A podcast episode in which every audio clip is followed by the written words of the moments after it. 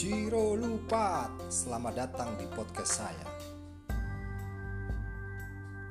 Banyak orang yang beranggapan bahwa tidak semua orang bisa memiliki kreativitas yang begitu luar biasa. Saat ini mumpung lagi weekend, kita coba kupas tentang pentingnya kreativitas. Pada dasarnya memang tidak banyak yang terlahir untuk menjadi sosok yang kreatif secara alami bahasa kerennya bawaan orok. Namun, pada kenyataannya, kreativitas dapat dibentuk dan diasah, seperti pisau yang tumpul diasah berkali-kali. Bisa jadi tajam dan mudah untuk memotong, dan ini bisa Anda asah sendiri kreativitas itu. Setiap orang sudah dibekali oleh hardware, otak, yang harus Anda lakukan adalah memasang softwarenya. Ada beberapa cara yang bisa Anda lakukan untuk merangsang otak Anda supaya bisa berpikir kreatif dan inovatif. Belajar dari orang kreatif. Untuk hal ini, jangan malu untuk berkenalan dengan orang baru dan mencoba untuk belajar dari orang-orang kreatif anda pun bisa mendapatkan berbagai pelajaran ketika berkumpul bersama orang-orang yang kreatif, seperti cara berpikir mereka atau cara mereka berkreasi. Silahkan Anda cari dan temukan komunitas di sekitar Anda. Buka mata, buka telinga.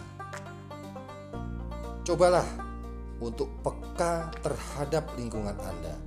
Lihat sekeliling Anda untuk mencari referensi baru. Jangan lupa untuk bersosialisasi dan mendengar masukan ataupun ide dari teman-teman yang Anda punya. Bergerak secara aktif. Menjadi orang kreatif, Anda semakin dituntut untuk bergerak aktif. Jangan hanya diam, bahasa Jawanya ojo menengai menunggu datangnya ide. Tapi cobalah untuk memikirkan inovasi baru kapan pun dan di mana pun.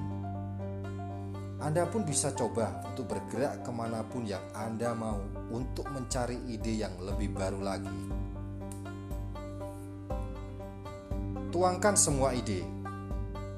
Tulis saja semua ide yang Anda miliki Jangan takut, ojo wedi. Jika ide yang Anda tuangkan belum begitu bagus, Anda bisa memikirkan ide setiap saat sehingga jangan lupa juga untuk menulisnya ketika ada ide yang tiba-tiba terlintas di benak Anda. Percaya diri, PD ini kunci yang harus Anda miliki untuk menjadi sosok yang kreatif dan inovatif. Ketika Anda memiliki ide yang out of the box, Anda tidak perlu takut untuk mengeluarkan ide yang Anda punya di depan umum. Jadi, jangan minder untuk memberitahu ide-ide kreatif yang Anda miliki.